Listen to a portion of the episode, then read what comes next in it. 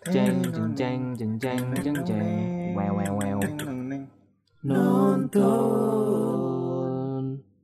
Nonton. Iya welcome welcome. Selamat datang di podcast nonton. Masih bersama saya Ray. Dan dua orang teman saya ada Iwara. Ada Yosa. Iya. Iya, kayak yang udah diomongin sama Yosa ya di minggu lalu. Hari ini kita entry pertama dari Hollywood. Yo. eh, apa Koreawood, Koreawood.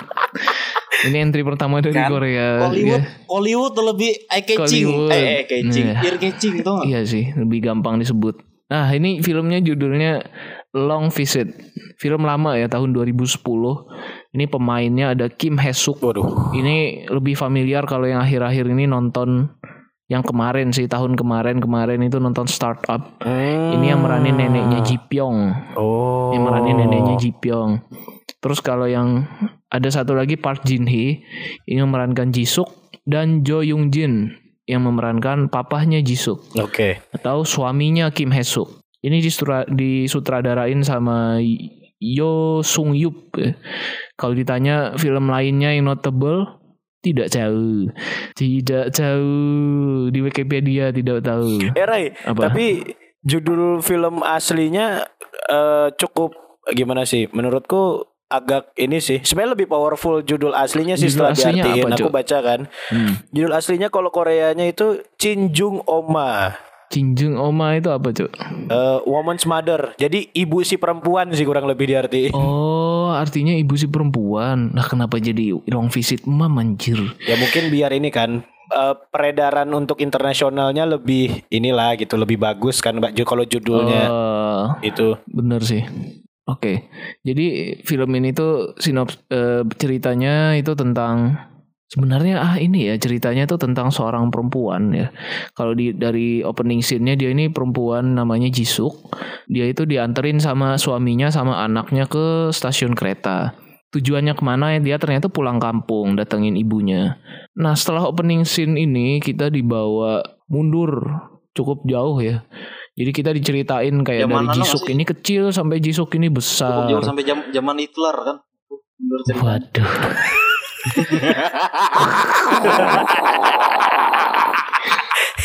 ini jokes terlampau sampah jokes. Waduh, cowok. Nah, jadi film ini bawa kita mundur jauh dari Jisuk ini kecil, masih kecil sampai dia gede dan kita tuh kayak diajak buat nonton selama hampir dua jam film ini ya, hampir dua jam, kayak satu jam setengahnya itu kita nontonin pertumbuhannya Jisuk dan hubungan dia dengan keluarganya. Tapi kadang kita dibawa maju mundur juga eh, antara pemeran utamanya Jisuk, tapi kadang kita dibawa ke sudut cerita di mana pemeran utamanya itu si mamahnya. Nah, jadi ceritanya tuh kayak kita tuh diajak bermain di dua orang ini gitu. Kita melihat emosinya dari mereka dua. Jadi sebenarnya inti dari film ini adalah cerita atau hubungan dari dua orang ini, mamah dan anaknya gitu. Nah, kalau aku sih nonton film ini eh, dari awal sampai akhir sebenarnya straightforward ya, nggak ada yang kayak nggak bahkan antagonisnya siapa ya? Antagonisnya Keadaan, keadaan. Ya, se- ya keadaan kan ini bukan se- eh, bukan subjek secara spesifik lah antagonisnya, tapi kayak lebih ke keadaannya mereka lah gitu. Menurutku Ray ya, kita kan dari awal disuguhin apa cok? menurutku ya Ray, ini film tuh ya gini. Kamu bayangin ini film dianimasiin sama Ghibli. Uh, cocok banget ini jalan cerita kayak gini tuh. Ini andalan ini ya kayak ciri khasnya macam-macam Ghibli itu kan biasanya ceritanya menyentuh-nyentuh. Iya, ya udah maksudnya heartwarming gitu. Ada ada ironinya, ada sedihnya dan waktu nonton ini aku tuh eh keingetnya sama salah satu film aku lupa judulnya apa tapi pokoknya settingnya pedesaan juga jadi aku kayak wah ini kalau di Ghibli bikin animasinya cocok sih pasti Hmm. Salah satu poin kuat sih ini cok. Salah satu poin kuat film ini tuh menurutku adalah actingnya cok. Ini ya film drama tuh menurutku eh, yang bikin rumit film drama itu adalah acting itu harus on point lah karena menggambarkan emosi itu kan harus tepat maksudnya film drama itu kan bergantung pada emosi dari aktornya ya dan kalau aktornya mainnya jelek gitu ya nggak mungkin dapet Nah ini tuh ternyata apa maksudnya eh, koneksi antara pemainnya tuh mantep cuk. Jadi beneran kayak kita tuh tenggelam di dalam filmnya itu ngelihat mereka. Padahal kita udah tahu ini cuma film kan, palsu gitu loh. Tapi ternyata wow gitu. Mantep cuk. Kalau kalian apa cuk? Maksudnya waktu nonton film ini apakah ketangguhan kalian sebagai pria ini diuji cuk? Widih, widih. Widih, widih, widih, widih. Aduh, Widih, widih, Cuk, widih, Kalau aku jujur cuk, kalau aku ketangguhan sebagai pria itu diuji cuk di film ini kayak aduh anjir. Asli, Rai. Mungkin lebih tepatnya bukan cuma seorang pria gak sih? Sebagai seorang pria gak sih, Rai? Sebagai seorang anak sih. Seba- iya maksudnya maksudnya kita kan pria tuh kayak wow tangguh. Oh iya, ngerti ngerti. tangguh, tapi pas nonton film ini aduh Seksis sekarang ya. Oke. aku tidak oke. akan nah oke oke. Seksis sekarang. Maksudnya waktu nonton film ini kan pengennya tuh kayak wah aku tidak akan menangis, aku tidak akan menangis, aku pria kuat. Bah, pas Memangnya cowok nggak boleh nangis. Memangnya cowok nggak boleh nangis. boleh itu kalau nggak boleh kan toxic masculinity ya kan? Nyebutnya ya. nah boleh boleh nangis. Cuma maksudnya waktu nonton ini mindsetnya kan nggak mau nangis. Oke. mata sembab iya. cuy nggak enak maksudnya. Kalau mata sembab kan nggak enak.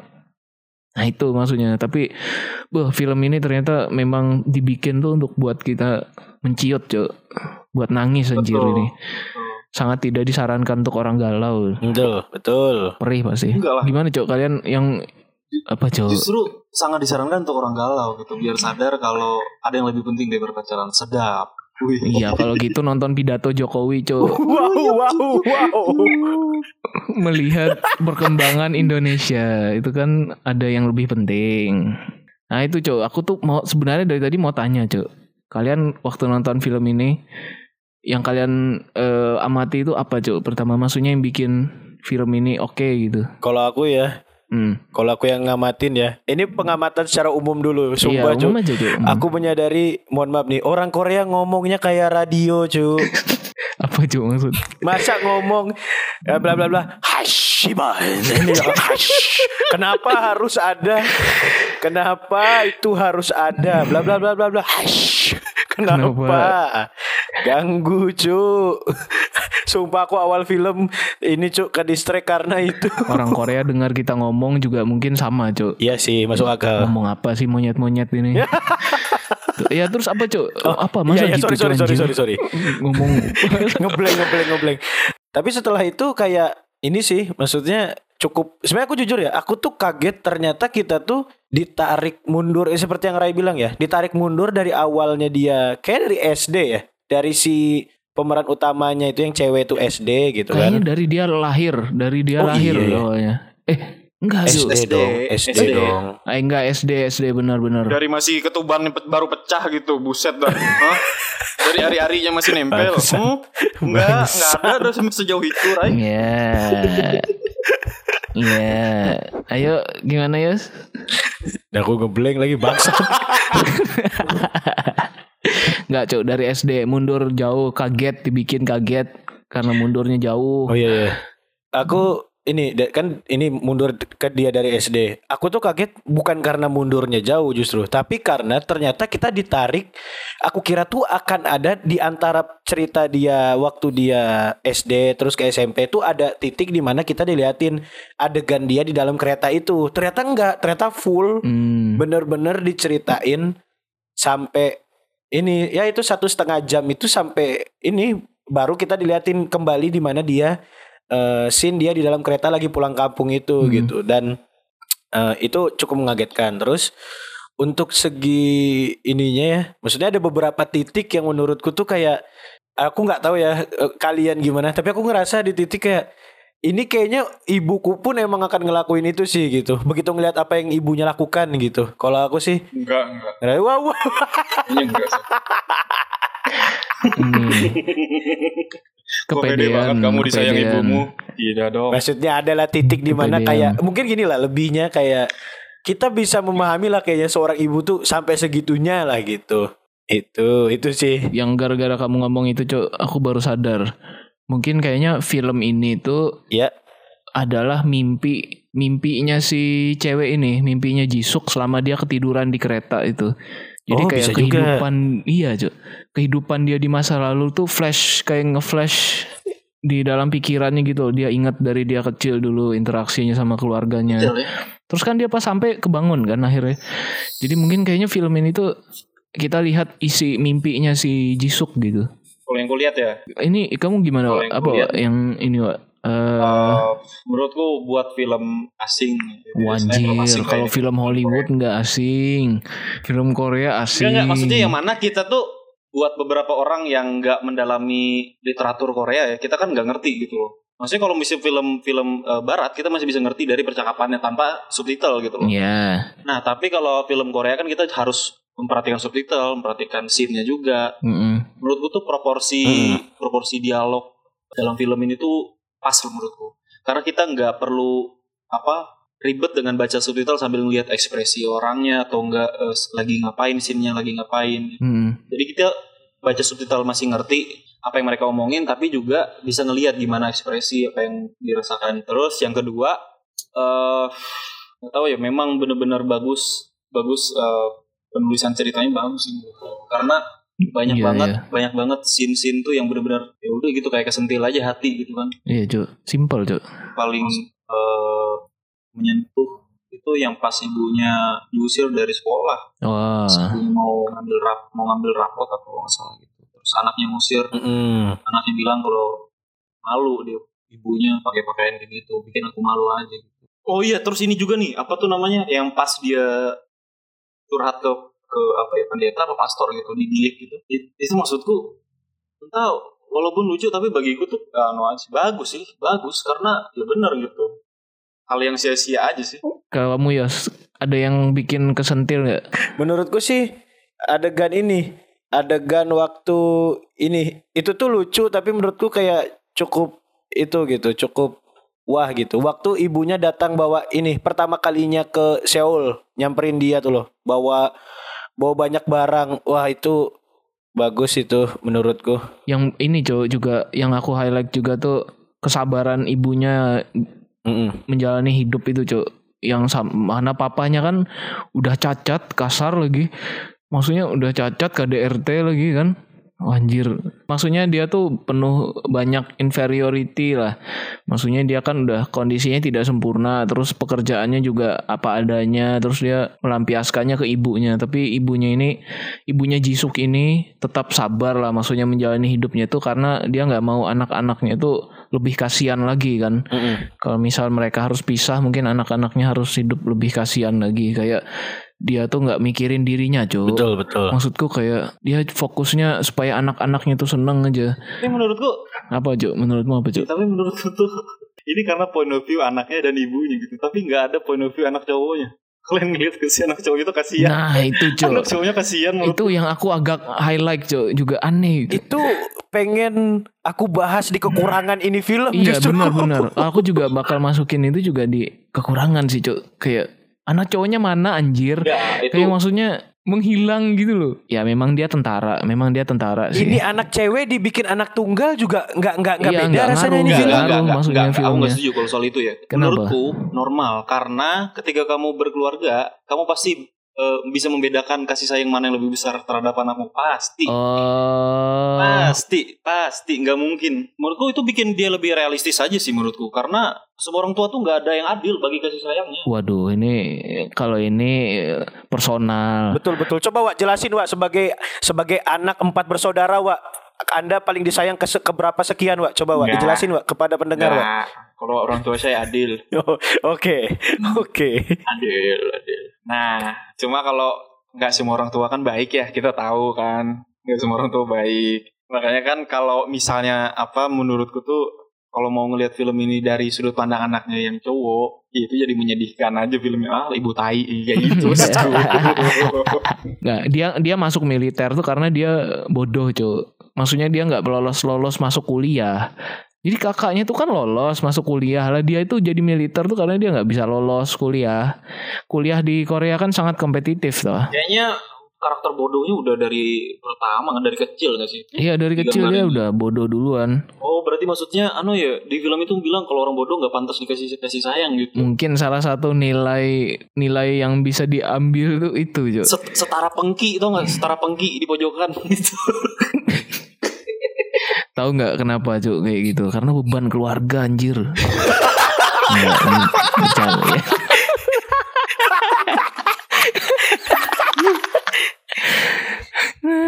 Bangsat. Eh cuk, tapi ya menurutku satu scene yang menurutku menunjukkan betapa nggak pentingnya anak cowoknya adalah waktu mereka mau ketemu sama calon suaminya. Itu kayak cuk, aku ngerasa ini orang bertiga aja udah jadi keluarga loh Ada lagi cuk detail detail yang tidak penting. Mau tahu apa? Anjing peliharaannya cuk. Waktu dia udah anaknya anaknya kuliah anjingnya jadi dua. Ingat gak? Anjingnya kan beranak. Terus anak anjingnya udah gede ternyata. Ya itulah.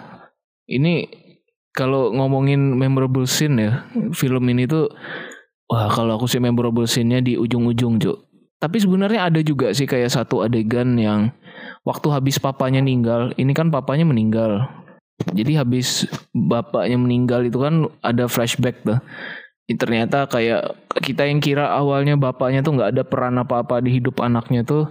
Oh ternyata bapaknya tuh ada peran. Kayak tapi dia kayak sok cool aja kayak hubungan mereka tuh udah rusak karena papanya ini suka KDRT menurutku. Jadi kayak ada hubungan yang tidak bisa diperbaiki di situ. Tapi papahnya kan pas udah meninggal papahnya baru dia ini sadar si Jisuk ini sadar oh kangen juga ternyata sama papa. Ternyata ada juga papahnya itu kontribusinya gitu loh. Kayak waktu dia belajar papahnya yang beliin dia cemilan waktu apa gitu kan. Ya itu doang sih cuk. Makanya kayak penggambaran itu agak dipaksain sih menurutku. Kayak ya udah habis itu kontribusi papanya apa? Anaknya pergi papanya nangis gitu maksudnya atau apa gitu. Coba kalian kan kalian kan punya saudara-saudara cewek tuh. Nah, coba tuh. Gimana tuh perlakuan papa kalian ke adik-adik cewek? Beda nggak? Kalau aku ngerasa ist- ini pernah dengar istilah ini nggak?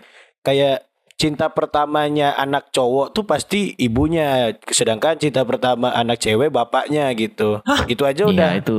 ibu Iya, Prila klise itu. gitu. Enggak, maksudnya dia dia ini, Cok. Iwa. Iwa ini emang Maksudnya tuh bukan incest, itu, anjir. incest di palanya. maksudnya tuh maksudnya tuh bukan itu. Eh, Cok, maksudnya Iya iya iya. Oke oke oke. ya itulah. Tapi kalian mengakui nggak kayak perlakuan eh, ayah ke anak-anak ceweknya tuh kayak lebih sweet gitu dibanding ke anak cowok. Kalau aku iya. Nah, tapi di sini tuh penggambarannya kayak wah dingin aja papanya. Gini, dia ke anak ke anak ceweknya aja gitu. Kalau ke anak cowok ngapain coba? Ya juga ya. Bisa dirantai kayak anjing gitu. Tapi nggak ada sih, itu Nah, nggak digambarkan. Tapi tapi menurutku ya, ini menurutku ya dari aku tonton, menurutku tuh eh, sebagai orang cacat, menurutku ada ada semacam perasaan-perasaan insecure, entah insecure atau apa gitu ya. Terus apalagi kan eh, dia jadi tumpuan keluarga buat sementara waktu itu kan. Jadi menurutku ada beban kerja, beban beban pekerjaan, beban kondisinya menurutku tuh stresnya gitu. Jadi kayak masih bisa masuk akal lah menurutku dengan sikap bapak seperti itu. Walaupun nggak walaupun nggak normal ya. Nah tapi kalau menurutku sendiri ya memorable scene menurutku yang paling keren tuh pas ini pas ibunya tahu kalau anaknya kerja di televisi. Terus teman ibunya tuh bilang kan, oh anakmu pasti bisa jadi artis tuh nanti. Terus ibunya marah gitu. Enggak lah enak aja, anakku penulis, dia yang bikin tulisan yang akan dibaca oleh artis. Maksudku dalam artian tuh kan kayak berarti ibunya tuh bangga dengan anaknya atas kecerdasannya gitu. Oh iya bener Cuk. Tapi dia dia, dia jawab gitu itu karena teman ibunya ini ngomong gini Cuk. Bisa sih jadi artis tapi kok kayaknya kurang cantik gitu. ya. Jadi kayak dia tuh nggak kayaknya nggak bisa jadi artis kok kayaknya kurang cantik makanya ibunya ngomong "Wah, anakku yang nulis skrip artis baca skripku gitu ya kan dia belain anaknya Eh aku jadi penasaran. Eh, sorry, Rai nonton startup nggak? nonton nonton Cuk. aku nonton aku nonton Eh, gimana Rai acting si ibu ini di startup? Maksudku di sini aja sekeren ini gitu. Jadi aku penasaran juga sebenarnya. Ya kalau di startup itu aktingnya juga bagus cuk. Makanya kan itu neneknya dia kan di situ meranin neneknya Ji Pyong. Nah itu dia terkenal juga cuk gara-gara meranin nenek itu karena di situ juga dia meranin sosok yang juga memorable juga sebenarnya cuk. Loving juga modelnya ya memang dia spesialis nenek-nenek kayaknya. Ayolah, ayolah. Terus dia bisa apa cuy dengan usianya dan bentukan kayak gitu anjing. Hah? Maksudnya jadi sosok yang orang suka gitu loh, meranin sosok protagonis, protagonis mantap, gitulah.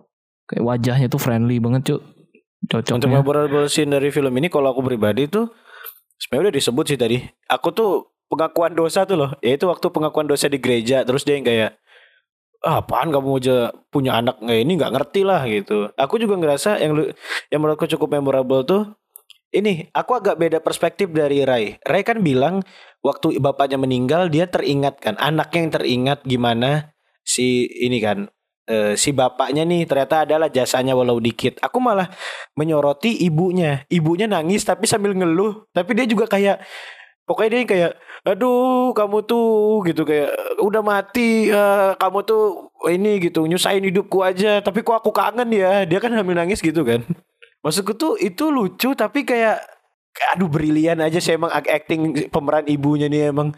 Kayak untuk scene kayak gitu aja tuh menurutku itu udah aduh itu bagus banget loh cara dia ngejajiinnya. Nggak tahu nggak tahu sedalam apa ya si karakter ibu itu eh, belajar tentang karakternya Iya Betul sih. emang jago cuk itu, menurutku aku bisa bilang dia jago juga itu kalau aku ya sekalian ngomongin memorable scene itu pas di babak akhir cuk kan yang waktu ibunya nelpon eh nelpon suaminya si Jisuk. Jadi kan si Jisuk ini udah nyampe ini udah settingnya yang zaman sekarang yang dia udah sampai ke kampung halaman itu kan dia selalu tanya kan sama anaknya kamu kenapa kamu kenapa kamu kenapa? gitu sebenarnya. Kayak dia tuh penasaran anaknya ini ada masalah apa di rumah? gitu. Akhirnya kan yang dia nelpon suaminya itu. Terus abis yang suaminya Jisuk ini ngasih tahu kalau ternyata si Jisuk ini udah kanker pankreas ya stadium 4 udah nggak bisa selamat dia kayak datang ke situ cuma buat pamit itu kan setelah tahu itu adegan selanjutnya itu kan ada zoom. Di zoom maksudnya wajah ibunya itu di zoom gitu loh. Dan dia tuh menggambarkan kesedihannya itu cuma lewat ekspresi wajahnya cuk. Tapi kalau aku lihat adegan itu lihat ekspresi wajahnya tuh kayak terasa real cuk. Maksudnya tuh emos eh, ekspresi dia tuh menggambarkan kesedihannya tuh dalam cuk. Kayak matanya tuh bergetar gitu. Kayak bibirnya tuh bergetar terus kayak kelihatan putus asa. Maksudnya dia menggambarkan ekspresi putus asanya tuh beh gila cuk. Makanya dari situ aku wah ini orang memang mantep. Pokoknya Dan menarik ya, itu itu ya ya apa dari yang kamu udah jelasin tadi juga. Aku tuh ngerasa hebatnya menurutku ya aku soalnya pernah dengar orang bilang ini yang lebih hebat daripada acting orang nangis adalah acting orang nahan nangis. Waduh itu Hmm, pedihnya justru lebih Iya, dalam iya. gitu loh. Kayak dia nah itu juga cuk masuk nyambung ke memorable scene gue cuk. Kan setelah itu yang anaknya selesai mandi kan dia masuk ke kamar itu wah pemanasan dulu cuk. Kayak dia ekspresi mukanya dia coba ubah dulu. Tapi ternyata pas masuk aduh nah ini memorable scene gue tuh dialognya pas dia mijit kaki anaknya itu cuk. Waduh itu luar biasa kalau aku dengar itu sedih cuk. Kayak dia tuh mengeluh kayak mengeluh-ngeluh kayak nggak ada yang bisa ambil anakku dari aku lah.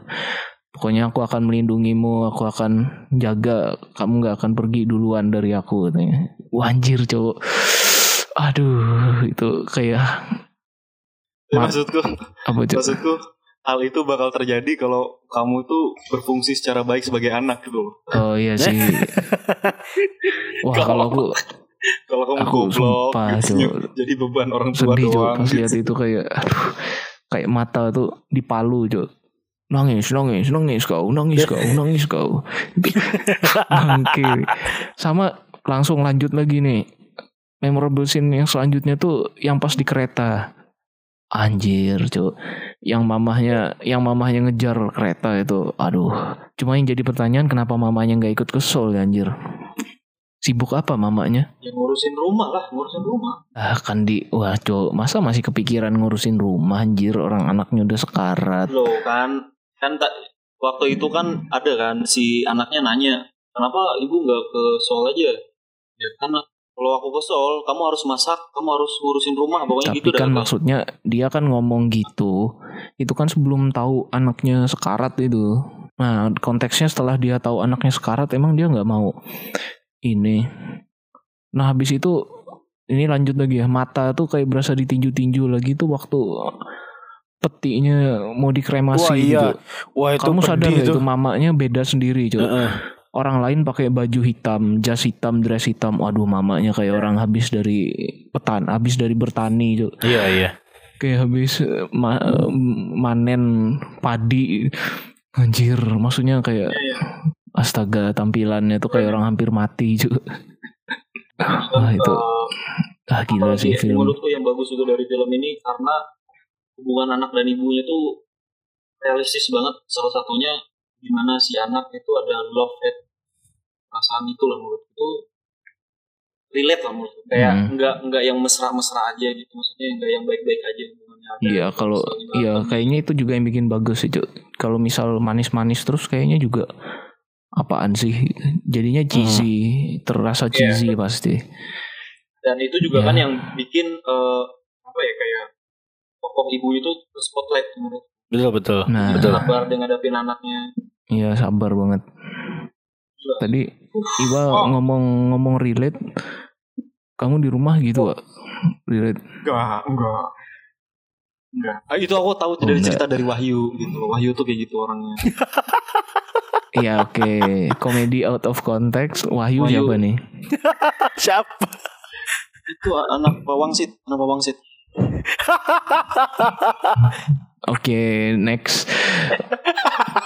Sumpah, cu. Tapi ya itulah film ini film ini sebenarnya kalau sadar juga film ini tuh endingnya menurutku agak Uh, plot uh, uh, twist ya. Sama ini, cu. Menurutku eh ini yang keren juga karakter ibunya dan kata anaknya ini kurang sih menurut dalam hal dialek dialeknya Oh Nah, kenapa? dialek logat logat. dialeknya dia nggak tahu ya aku bukan orang orang yang mempelajari literatur Iya Korea atau. Heeh. Tapi itu tapi kedengeran maksudku dialek itu iya kedengeran jelas banget lah pokoknya gitu dialek dan pedesaan. konsisten ibunya gitu dan anaknya aku nggak tahu ya aku nggak terlalu perhatiin di awal ya tapi setelah dia di Seoul itu ya udah dia kayak bahasa Korea yang sering kita dengar Iya iya. Bahasa standar. gitu. Iya. itu keren sih Nah ini aku tadi ini cok ngomongin plot twist cok. Ini kan kalau kita baru nonton pertama kali gitu pasti ngiranya kayak oh dia pulang kampung ini untuk mengenang mungkin ibunya udah meninggal gitu settingnya. Jadi Ah, dia ini sama kenangan sama Ray. Aku mikir itu Iya juga kan? Ray. Tapi ternyata waduh anaknya yang mati. Betul. Bangke, Kaget bilang. dong. dan ini ya menurutku tuh aku sempat mikir kayak gini pas nonton itu dengan ending seperti itu aku sempat mikir ini nggak bakal sesedih ketika ibunya meninggal ternyata oh sama aja dong maksudku bisa mencap Lebih Iya, sedih cok, lebih sedih malah menurut gua. karena aku pernah aku pernah eh, nonton film yang serupa tentang ibu dan anak itu judulnya Wedding Dress situ Hmm. ibunya yang meninggal gitu Oh, itu sedihnya minta ampun nah coba dibandingkan yang sedih yang mana? itu sedihnya minta ampun sih menurutku pas aku pertama kali nonton Wedding Dress ya tapi setelah nonton ini eh, anjing sih ini lebih Hmm. dalam ini lebih dalam karena. Iya, gali Cuk. Karena karena tidak natural, Cuk. Menurutku, tidak natural seorang orang tua itu menguburkan anaknya tuh sangat tidak natural menurutku. Ya. Kayak bukan seperti itu seharusnya nggak sih? Mm, mm, mm, ngerti ngerti. Makanya rasa rasa sedih, rasa sedihnya tuh pasti lebih nonjok, lebih karena karena dalam. itu kan pasti ada pikiran untuk orang tua Gila bisa sih. gini oh anakku lebih duluan ya Iya pasti. Nah itu cuk maksudku yang bikin Mm-mm. sedih itu itu pasti. Makanya lebih deep perasaannya lebih dalam pasti. Betul betul. Ya itulah film ini. Wah sedih sih. Aku sejujur, sejujurnya udah nonton ini dua kali sih cuk. Dan ya udah tetap nangis aja anjir anjir. Nonton yang pertama nangis, kedua Eh, tapi, Ray, nangis. Oh, Ada ada alasan tertentu nggak Ray kenapa milih ini film buat di Karena review? film ini tuh feelingnya beda cuy dari film-film yang udah kita review kan sejauh ini kalau kalian sadar ya pusatnya tuh di action, thriller dan kriminal. Iya iya. Ini kan menyuguhkan sisi lain lah dan menurutku untuk drama ini beh oke banget dan harus ditonton kan. Mm-mm. Mungkin yang selanjutnya bisa Yep. kita tonton lagi tuh Little Woman. Kalian udah pernah nonton belum oh belum nonton Belum. Waduh.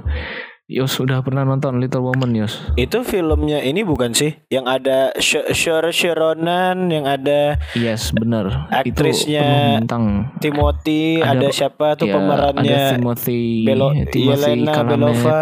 ada ada pemeran Midsommar juga di situ. Nah, itu, ada itu dia. Pugh, segala macam. Nah itu.